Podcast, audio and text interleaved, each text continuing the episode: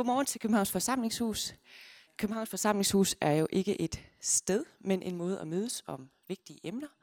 Og det er sjette gang i dette efterår. Vi har syv gange i alt, så næste gang er sidste gang. Og i dag er øh, spørgsmålet altså, kan den teknologiske udvikling følge med os? Øh, og det handler altså ikke specifikt om at få lyd til at virke, men det handler mere om spørgsmål om, om øh, altså Danmark er jo et af de mest digitaliserede øh, lande i verden, øh, men spørger vi til, hvordan vi vil have vores teknologi, det er noget af det, vi skal, skal drøfte om lidt. Og velkommen til dig, Pernille. Og nu øh, virker tingene måske, hvis vi er, hvis vi er heldige.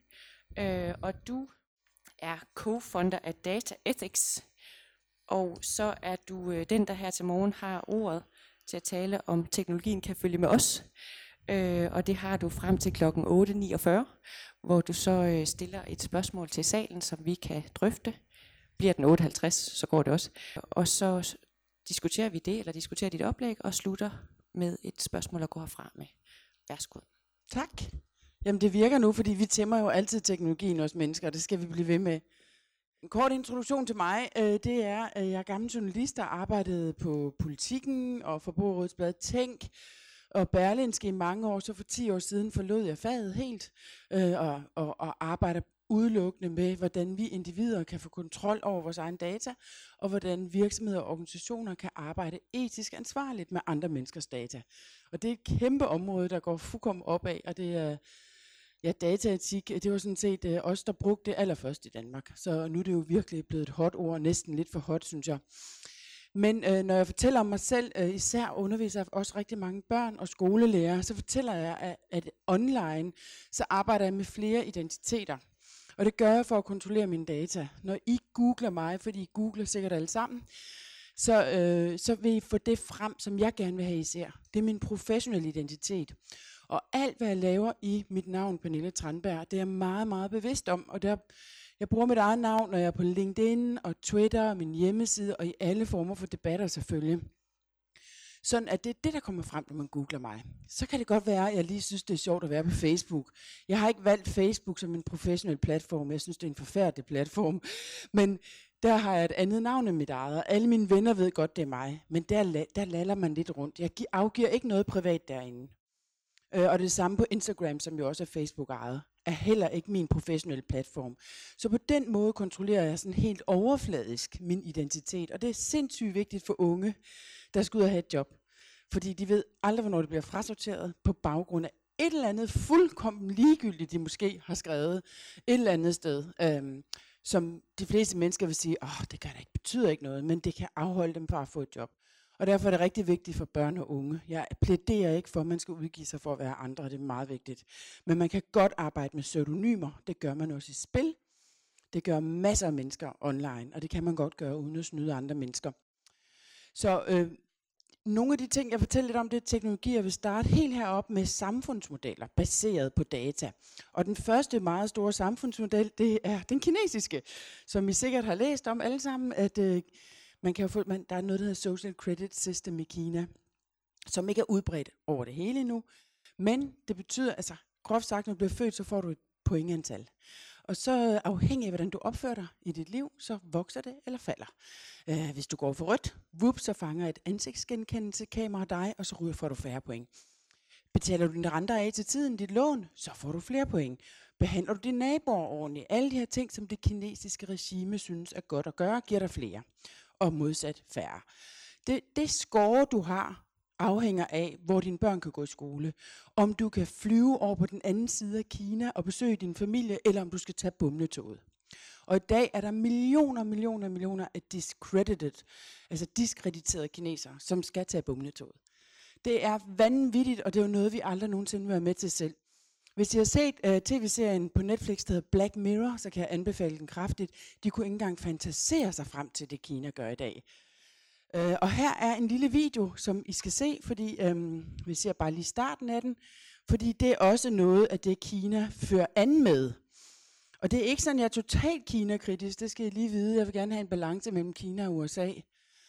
Men jeg vil hverken have Kina eller USA, og slet ikke det her. teachers at this primary school in China know exactly when someone isn't paying attention. These headbands measure each student's level of concentration. The information is then directly sent to the teacher's computer and to parents. China has big plans to become a global leader in artificial intelligence. It has enabled a cashless economy where people make purchases with their faces. A giant network of surveillance cameras with facial recognition helps police monitor citizens. Meanwhile, some schools offer glimpses of what the future of high tech education in the country might look like. Good job! Classrooms have robots that analyze students' health and engagement levels. Students wear uniforms with chips that track their locations. There are even surveillance cameras that monitor how often students check their phones or yawn during classes. These gadgets have alarmed Chinese netizens. But schools say it wasn't hard for them getting parental consent to enroll kids into what is one of the world's largest experiments in AI education. A program that's supposed to boost students' grades while also feeding powerful algorithms. 为了 就是国家的这个研究呀、发展呀，我觉得是没有问题的。 The government has poured billions of dollars into the project, bringing together tech giants, startups, and schools. We got exclusive access to a primary school a few hours outside of Shanghai. 三，同学们早上好。 to see firsthand how AI tech is being used in the classroom. For this fifth grade class, the day begins with putting on a brain wave sensing gadget. Students then practice meditating. 现在想象我们眉心有一点柔和的光芒绽放。 The device is made in China and has three electrodes two behind the ears and one on the forehead. These sensors pick up electrical signals sent by neurons in the brain. The neural data is then sent in real time to the teacher's computer. so while students are solving math problems, a teacher can quickly find out who's paying attention and who's not. A report is then generated that shows how well the class was paying attention. It even details each student's concentration level at 10 minute intervals. It's then sent to a chat group for parents. Det er altså AI Tech i Kina, hvor man totalt, altså det er jo nogle forsøgsklasser det her, totalt monitorerer børnene, øhm, og samtidig sender rapporter til skolelæreren og forældrene hele tiden. Og vi ved også godt, hvordan Kina er i forhold til at prøve at skabe elitære børn, men det her kommer vi til at se masser af andre steder. Hvis vi ikke siger, altså tager nogle samfundsmæssige beslutninger om, hvad synes vi og hvad synes vi ikke. Øhm, en anden ting, Kina har opfundet ganske, for ganske nylig, det er en ny digital valuta. Øhm, det, det er også super interessant. Det er simpelthen, øhm, I, altså I ved, at i dag sidder USA på den digitale valuta, groft sagt. Det er den, den der SWIFT-kode, vi bruger, når vi skal overføre penge til udlandet. Det er USA, der har opfundet den, og den vi alle sammen bruger, og det koster penge at bruge den. Nu har Kina opfundet en digital valuta, som bliver fuldkommen gratis at bruge, øhm, men som bliver en konkurrent til SWIFT. Og det er, vi ved jo godt, at Kina og USA lige nu er i kæmpe magtkampe, ikke? Og hvem vinder den her magtkamp, det ved vi ikke. Det, der er interessant ved den digitale valuta, det er, at man kan programmere den til, det må den bruges til, og det må den ikke bruges til. Så det er virkelig vildt, og derfor går jeg helt vildt ind for, at vi fastholder vores kontanter. Men i dag er man jo nærmest kriminel, hvis man bruger kontanter, ikke? Øhm, så den anden samfundsmodel, det er så den amerikanske samfundsmodel. Det der, hvor det er ikke staten, der styrer os via data. Det er de store tech-virksomheder, der styrer os via data. Det er dem, øh, nu, jeg kalder det datamonopolsamfund. Susanna Schuboff, som I sikkert har hørt om, kalder det overvågningskapitalism, surveillance capitalism, eller platformsøkonomi, som man nede fra EU lige nu prøver at få reguleret bedre. Og det er især Google, Amazon, Facebook og Apple, der sidder på det. Microsoft er faktisk også en del af det. GAFAM, og det er sådan et begreb, franskmændene de sidste 10 år øh, har faktisk hadet og bekæmpet. Og det man kan sige, de står for, bortset fra Apple, for Apple lever ikke af data. Apple lever af at sælge de her dyre gadgets, mange af os elsker. Ikke? Men Google, Facebook er de værste, og Amazon til dels også. De lever af hele den her annonce infrastruktur, der er på nettet i dag, som handler om at indsamle så mange data om os som muligt. Hver gang I går ind på et website, hvis I ikke er blokeret for det, eller bruger den rigtige browser, så fortæller det website i tusindvis af andre websites her under Facebook, hvad du har kigget på. Så hvis du går ind på Alzheimer's Foreningens hjemmeside, så slader den, hvis den har cookies på, hvilket mange har, til Facebook og i tusindvis af andre, at du har en lille bitte interesse i Alzheimer's. Og så kan I godt se, det er bitte små brikker til det store puslespil om det store profil af jer, og det er det Google og Facebook kan i dag. I dag, de har den store profil af os, alle detaljer, og de sælger ikke vores data, de sælger adgang til os. Det er rigtig vigtigt. Denne her model er, er der flere steder i Europa, som man simpelthen har dømt ulovlig ifølge europæisk lovgivning. Men hvorfor sker der ikke noget? Den er ikke rigtig håndhævet. Der sker ikke noget. Margrethe Vestager sidder dernede og kæmper for at give dem nogle kæmpe bøder, og så anker de det til næste instans. Men jeg håber, at der snart sker noget, fordi det er virkelig ikke en færre model over for os på forbrugere på nogen som helst måde. Øhm, man kan også sige, at den model er jo også med til, altså tech-industrien banaliserer den og kalder den, jamen det er jo bare reklamer, vi får. Mange, jamen jeg vil godt have relevante reklamer. Det vil jeg også gerne have.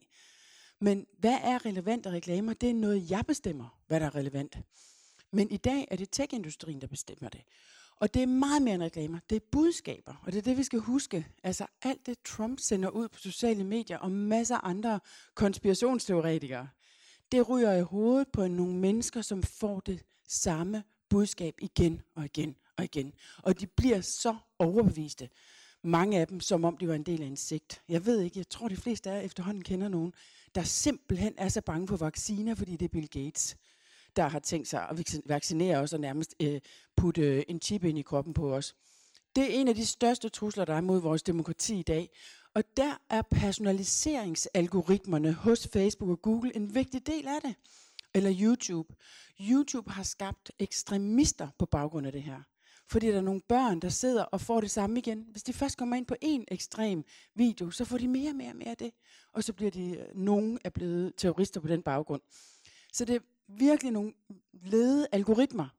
Men det handler jo for dem om at tjene penge, og de banaliserer det, som om det bare er reklamer. Så den sidste model, det er jo den, vi arbejder for i Europa, som jeg kalder datademokrati. Og da jeg første gang brugte ord, nu praler jeg lige, så skrev, øh, sagde jeg det i P1 morgen, og så skrev Margrethe Vestager faktisk til mig, tak for det ord. Og det er nemlig det rigtige, et rigtig godt ord, og det er det, vi skal kæmpe for, og vi er der overhovedet ikke endnu.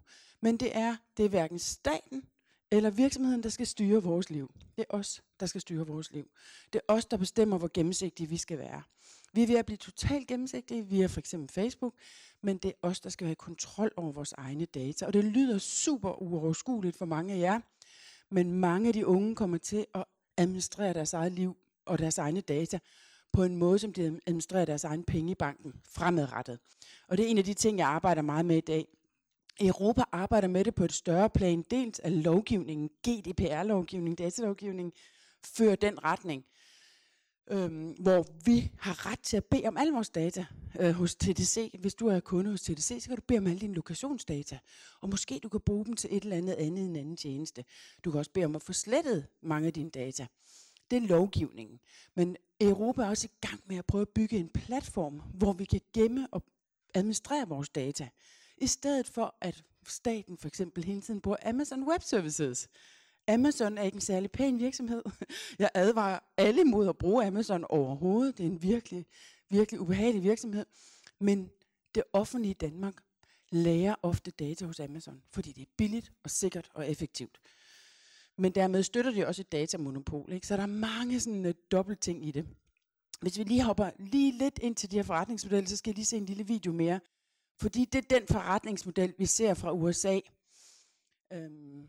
Alt skal åbnes. Vi leder efter forsikringspræmier. Vi leder efter kontobalance. Hos kriseramte på Snor har man set lyset, og der satses nu på en helt ny forretningsmodel. Data det er ikke bare fremtiden, det er nutiden. Og hvis du kigger på firmaer som Google og Facebook, de tjener milliarder på at sælge folks data. Så uh, nu åbner vi folks breve, og så ser vi, hvad informationer vi kan finde. Den du, du skal da for helvede ikke notere gækkebrev. Altså, vi aner ikke, hvem det er fra. Martin Eriksen er postbud og begejstret over de nye tiltag. Det er da lidt træls, at vi kun skal levere post øh, en gang om ugen, men det tager virkelig lang tid at læse alt posten igennem. Mest af alt så kommer vi jo til at kende de folk, vi leverer til meget bedre, fordi man ligesom læser alt deres post. Så får man ligesom sådan et, altså et forhold til dem. Det er ligesom i gamle dage, hvor posten det var sådan en, man havde et rigtig godt forhold til, hvor man så ved, hey, der kommer posten. Jamen, vi vil gøre det samme som Facebook og Google. Sælge dataene til interesserede virksomheder og samtidig bruge dem til at give nogle helt personlige tilbud til vores postmodtagere. Det er posten. Accepterer du de her cookies? Øh, ja. Skal lige se, hvad du har købt her.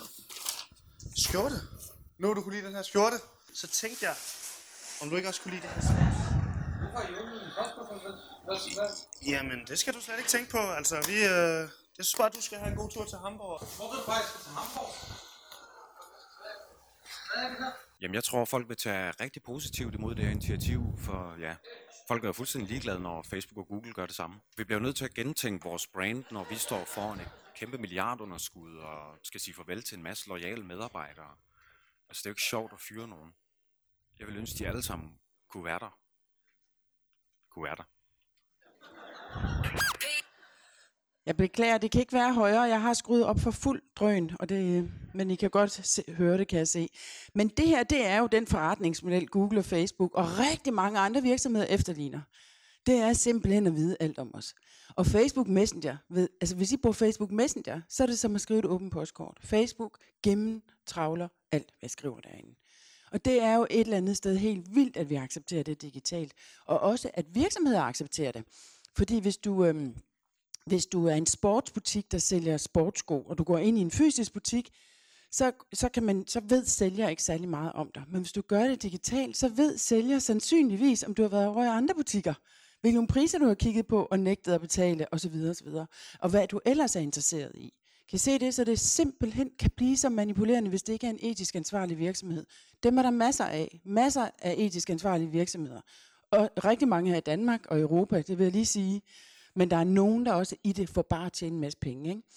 Og den såkaldte free-model, gratis-modellen, ikke? den blev opfundet i 2001 af Google. Og det var, at Google havde en engang et motto, der hed Do No Evil. Vi vil aldrig gå ind i annoncering, sagde de, ikke? med reklamer. Men så i 2001 var der den her dot-com-boble, og så skulle de, var de presset til at skulle tjene nogle penge, og så gik de ind i reklamer. Og i starten var de faktisk meget pæne. Øh, der gjorde de det, at de kun annoncerede ud fra, hvad du søgte på. Hvis du søgte på italiensk rødvin, så fik du reklamer for italiensk rødvin. Det hedder contextual advertising. Men så fandt de jo ud af, altså, og det var faktisk bedre end at annoncere i Berlinske, fordi Berlinske kunne kun sige, den og den målgruppe læser Berlinske helt generelt. Hvorimod Google kunne sige, den og den målgruppe har vi, men de ved, og det er også interesseret i italiensk rødvin. Så det var et skridt, hvor de begyndte at udkonkurrere medierne. Det næste skridt var jo, at så kom der login og Gmail, og så fik de direkte adgang til os alle sammen, personidentificerbare data. Og så kunne de gå endnu videre og sige, udover at du drikker rødvin, så har du en campingvogn, øh, og du har en hund, og du er faktisk bekymret over fremtiden, og du drømmer om at komme til Kreta, osv. Og den viden, de har i dag, har jo nærmest udkonkurreret de traditionelle medier herhjemme. Ikke? De sidder på langt over halvdelen af annoncerne. Og det er det, der hedder free. Og grunden til, at den er så urimelig, er jo, at vi betaler med lukkede øjne. For når vi betaler 100 kroner for en service, så ved vi, hvad 100 kroner er. Men når vi betaler med vores fødselsdag, eller politisk orientering, eller sund helbred, så betaler vi med lukkede øjne. Vi aner ikke, hvad det er værd. Og det er der, hvor det er urimeligt. Og det, øh, det er EU centrum nede i Belgien fuldkommen enig i. Jeg får meget inspiration dernede fra. Ikke for de danske politikere, desværre. Så det, det man kan sige med platformene, hvad de gør, det er, at de sælger adgang til os. De sælger det ikke direkte. Som de siger i den der Post Danmark øh, øh, sketch. Ikke? Der siger de, at vi sælger data. Det gør de ikke, fordi det er jo dumt. Det er jo ikke en god forretningsmodel. Den gode forretningsmodel er, at man kan sælge adgang til os igen og igen og igen.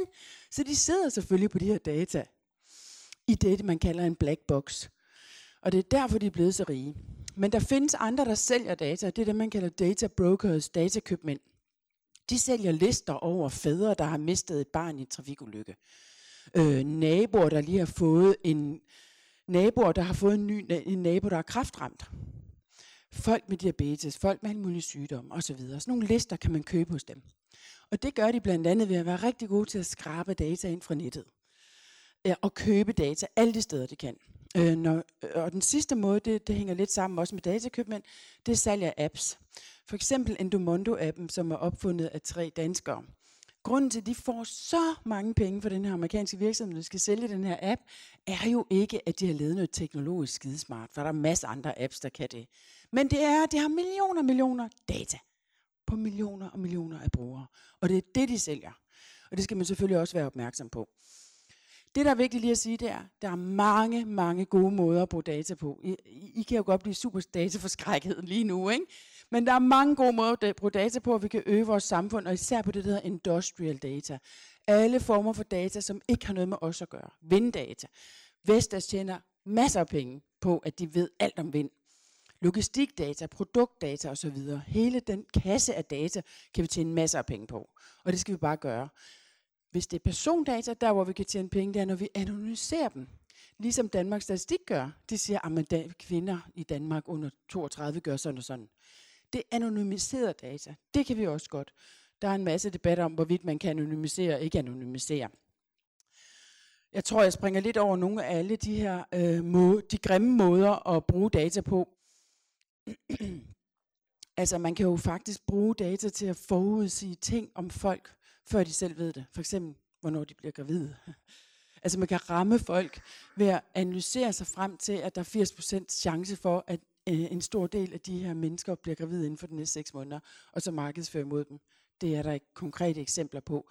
Man kan bruge data til at sætte priser, afhængig af hvad man ved om jer. Hvis I kunne finde ud af at ændre jeres computer til at lade som om den sidder i Tyskland, så får I billigere priser. Jeg har selv sparet tusindvis af kroner på hotelindkøb ved at lade som om jeg sidder i Tyskland.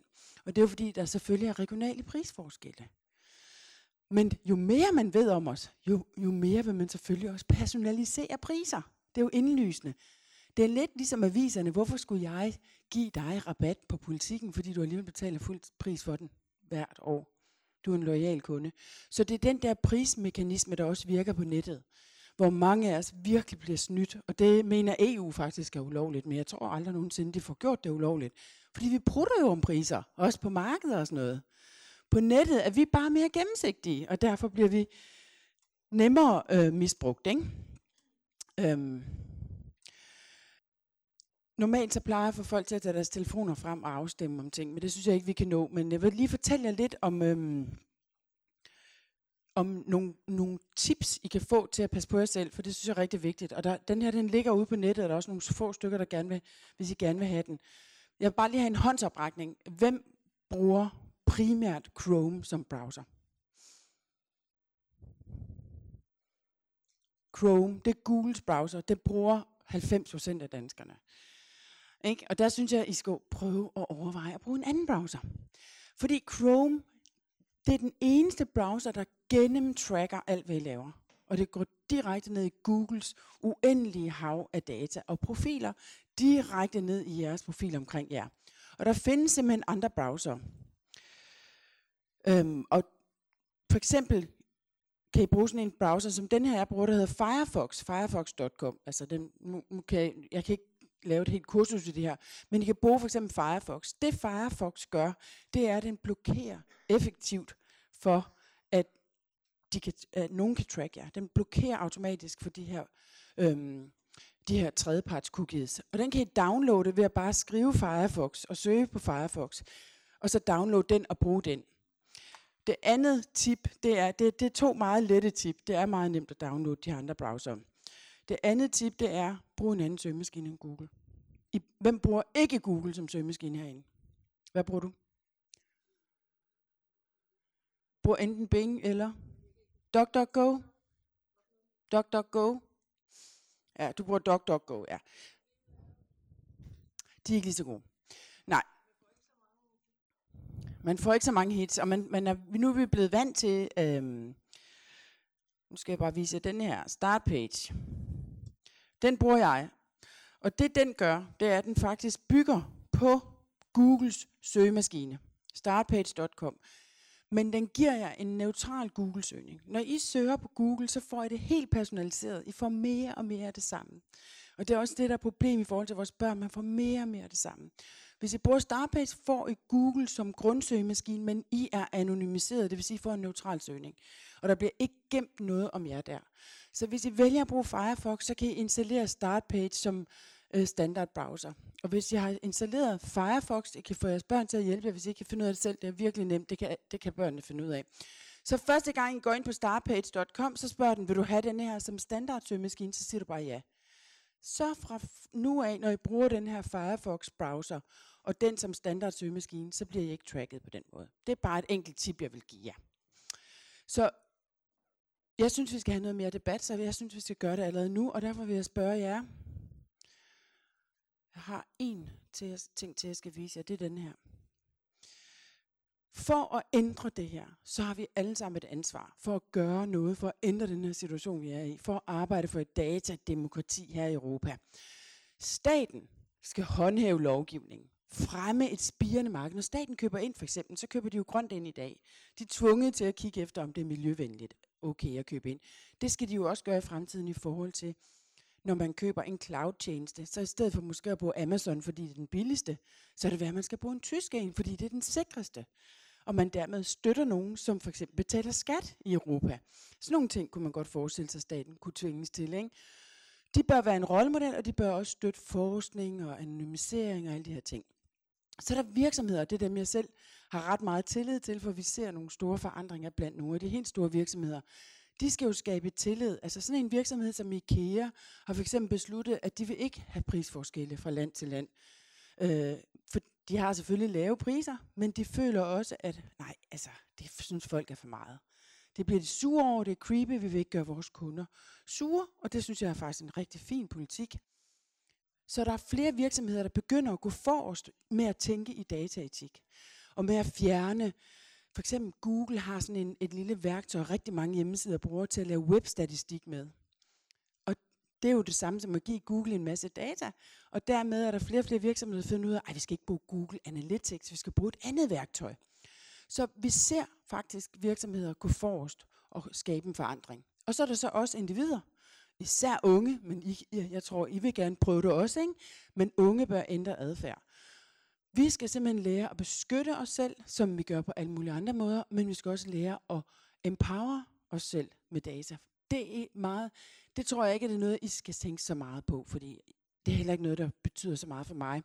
Men i fremtiden kommer der masser af værktøjer, der gør, at du kan tage dine data og proppe dem ind i et andet tjeneste, og så kan du få en bedre sundhed, en bedre økonomi, en bedre cykelrute til arbejde osv. Altså hvor du kan bruge dine data til simpelthen at få et nemmere og federe liv.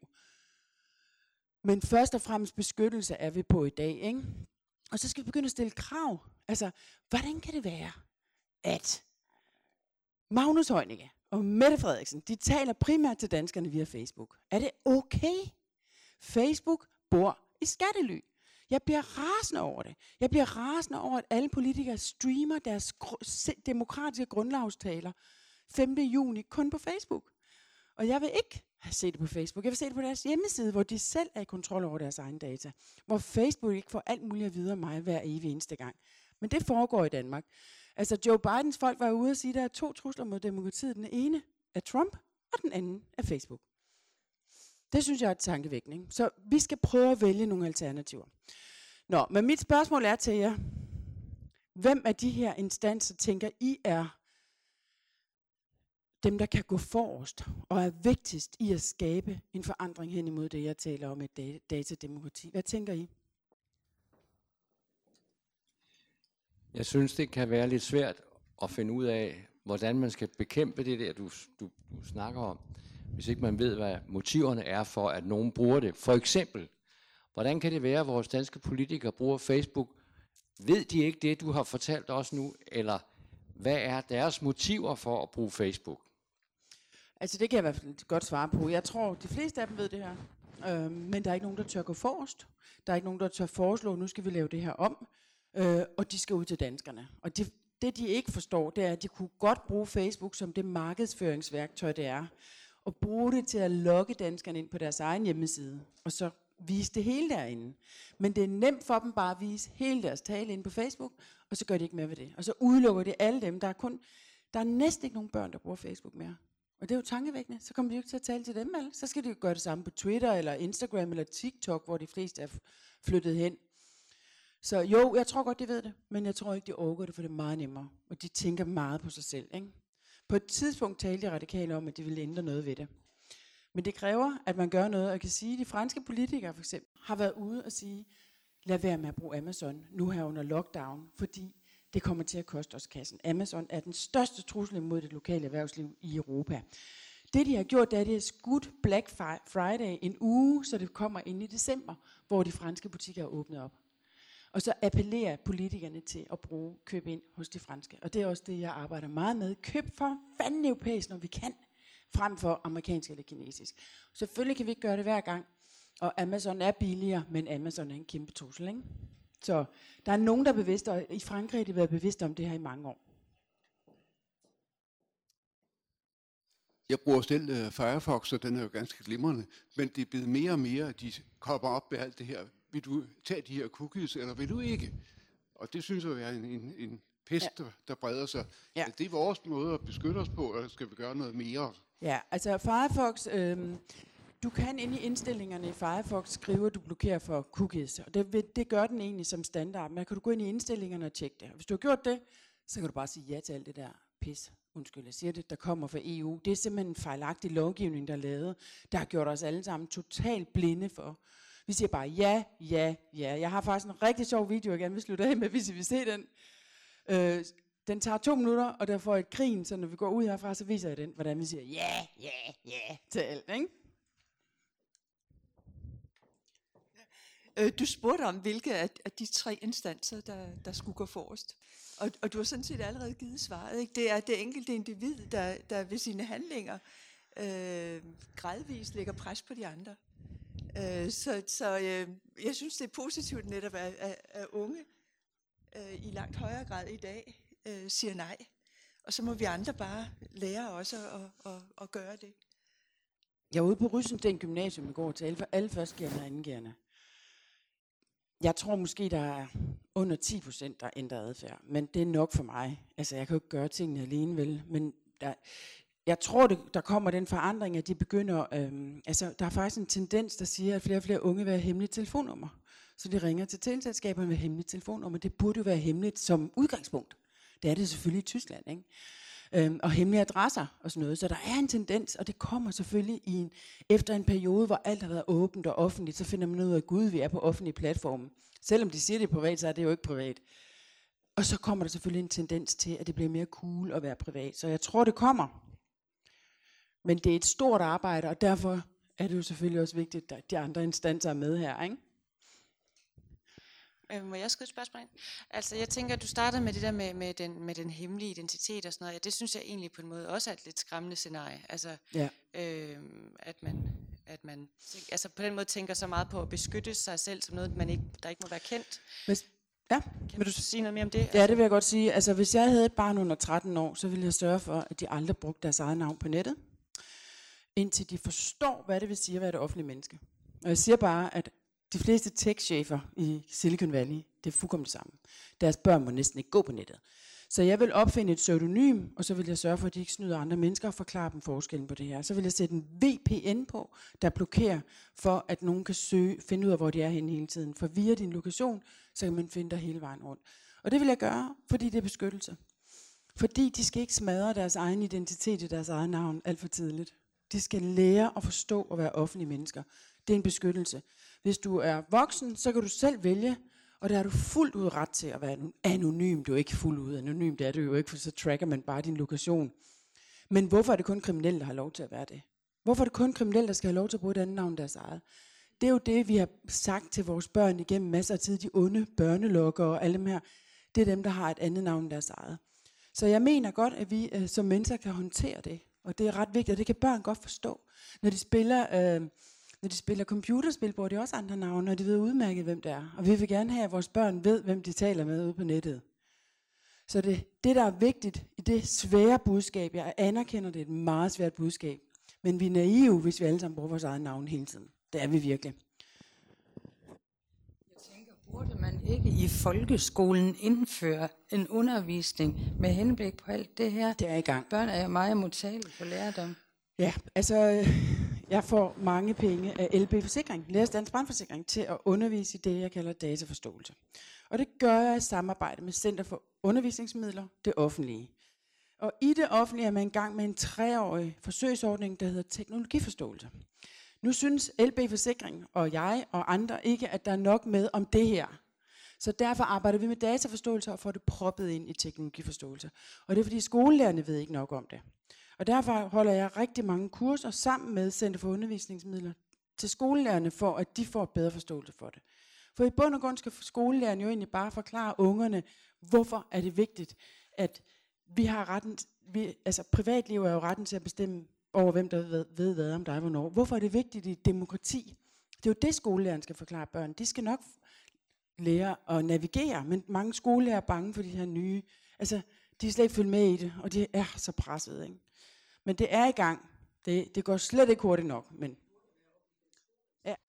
Men øhm, det er i gang så langsomt, som det nu går. Ikke? Jeg prøver altid at undskylde med, at historisk set, når man sætter sig deroppe, jeg har 70-80 år, og så jamen, det går hurtigere. Ikke?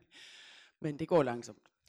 Du skal vise os en, en film om lidt, så det skal vi også lige nå at have tid til. Men, men jeg tænker bare, om, om ikke, for lige at fortsætte det spor med det med at være, være ukendt, altså jeg tænker, ide, ideelt set er målet vel, at vi tager ansvar for den offentlighed, vi laver, at ja. det er en offentlighed, vi kan være i, og ja, ikke, ikke gemmer os i. Altså, så jeg tænker, der er vel også en, en drøftelse der, altså hvordan ja. det er en offentlighed, vi kan være åbne Det her, det jeg foreslår her, det er faktisk øh, øh, på grund af den urimelige infrastruktur. Hvis vi kunne være anonyme herude, ikke også, så behøvede vi ikke gøre det her, vel? Og hvis vi alle sammen forstod, hvad det vil sige at være offentlige mennesker, så behøvede vi selvfølgelig ikke at bruge et pseudonym. Men vi gør det jo også, altså, det, vi gør det også i den virkelige verden, hvis vi har brug for det. Og det, det er en vir, virkelig vigtig ret i mine øjne, en menneskeret. Det er derfor sådan noget som anonymisering og kryptologi og sådan noget, det må heller ikke forbydes. Men det er en svær balance. Men ligegyldigt hvad vi gør og forbyder, så, alle, så vil det gå ud over de ærlige, mens de kriminelle vi skal nok finde veje udenom. Ikke? Der er tid til et sidste spørgsmål, hvis der er... Jeg tænker, når jeg kører bil, og så jeg bruger min GPS... Hov, undskyld, undskyld. Ja. Så er jeg jo sporet hele Ja. tiden, hvor jeg Hvad er det for en befinder GPS, du Hvis bruger? jeg kører til Nordjylland, Ja. så kommer der reklamer op fra Ja. Nordjylland. Så selvom jeg bruger en anonym identitet, så er jeg jo alligevel Ja. sporet. Jeg håber, du bruger en GPS-udbyder, som du har tillid til. Altså, hvis du bruger den hollandske TomTom, så kan jeg fortælle dig, at de, op, de arbejder godt med data. Dem vil jeg have tillid til, men jeg vil ikke stole på Google. Ja, selvfølgelig, fordi de fleste bruger Google. Øhm, det, man så kan gøre trods alt med Google, det er, at man kan slette sine data ind hos Google, siger Google.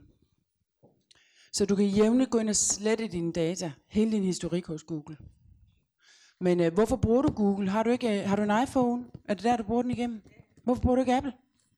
Apple. Apple Maps. Den er ikke fuldkommen lige så god som Google, men den er ret god.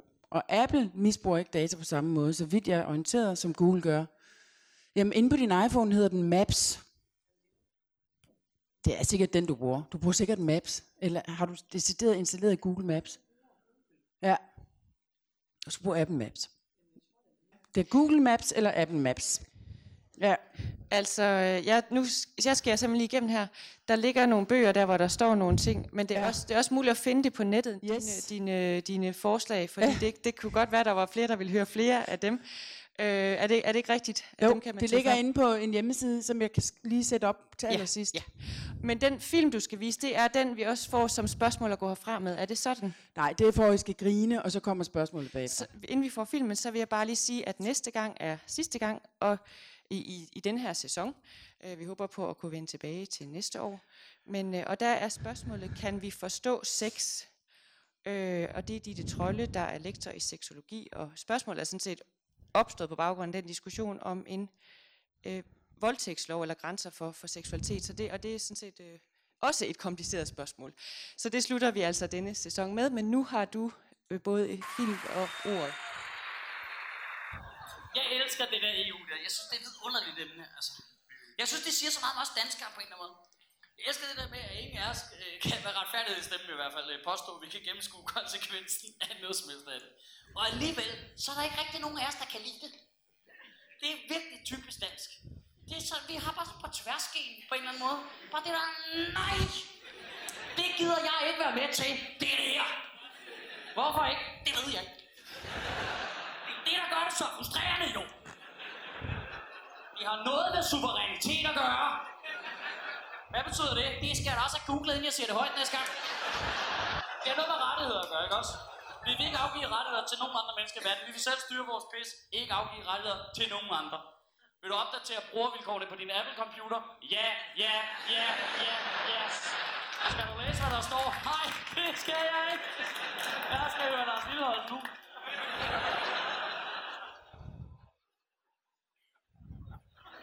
Skal Facebook have lov til at bevare alle rettigheder til alle billeder, du nogensinde har lagt op af dine børn? Jepper! Det har jeg det perfekt med. Hvordan har du det med EU? Det skal vi faktisk passe lidt på. Det er jo kun en kæmpe stor demokratisk organisation.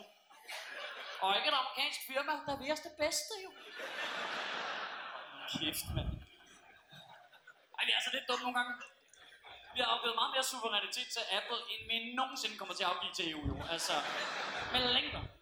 Jeg kan sige, at der er ikke nogen EU-traktater, der indeholder at sige, at I må kigge igennem webkameraet på din computer. Nå, der er der nogen, der skal hjem og læse om brugervilkår. Kan du høre, hvad det?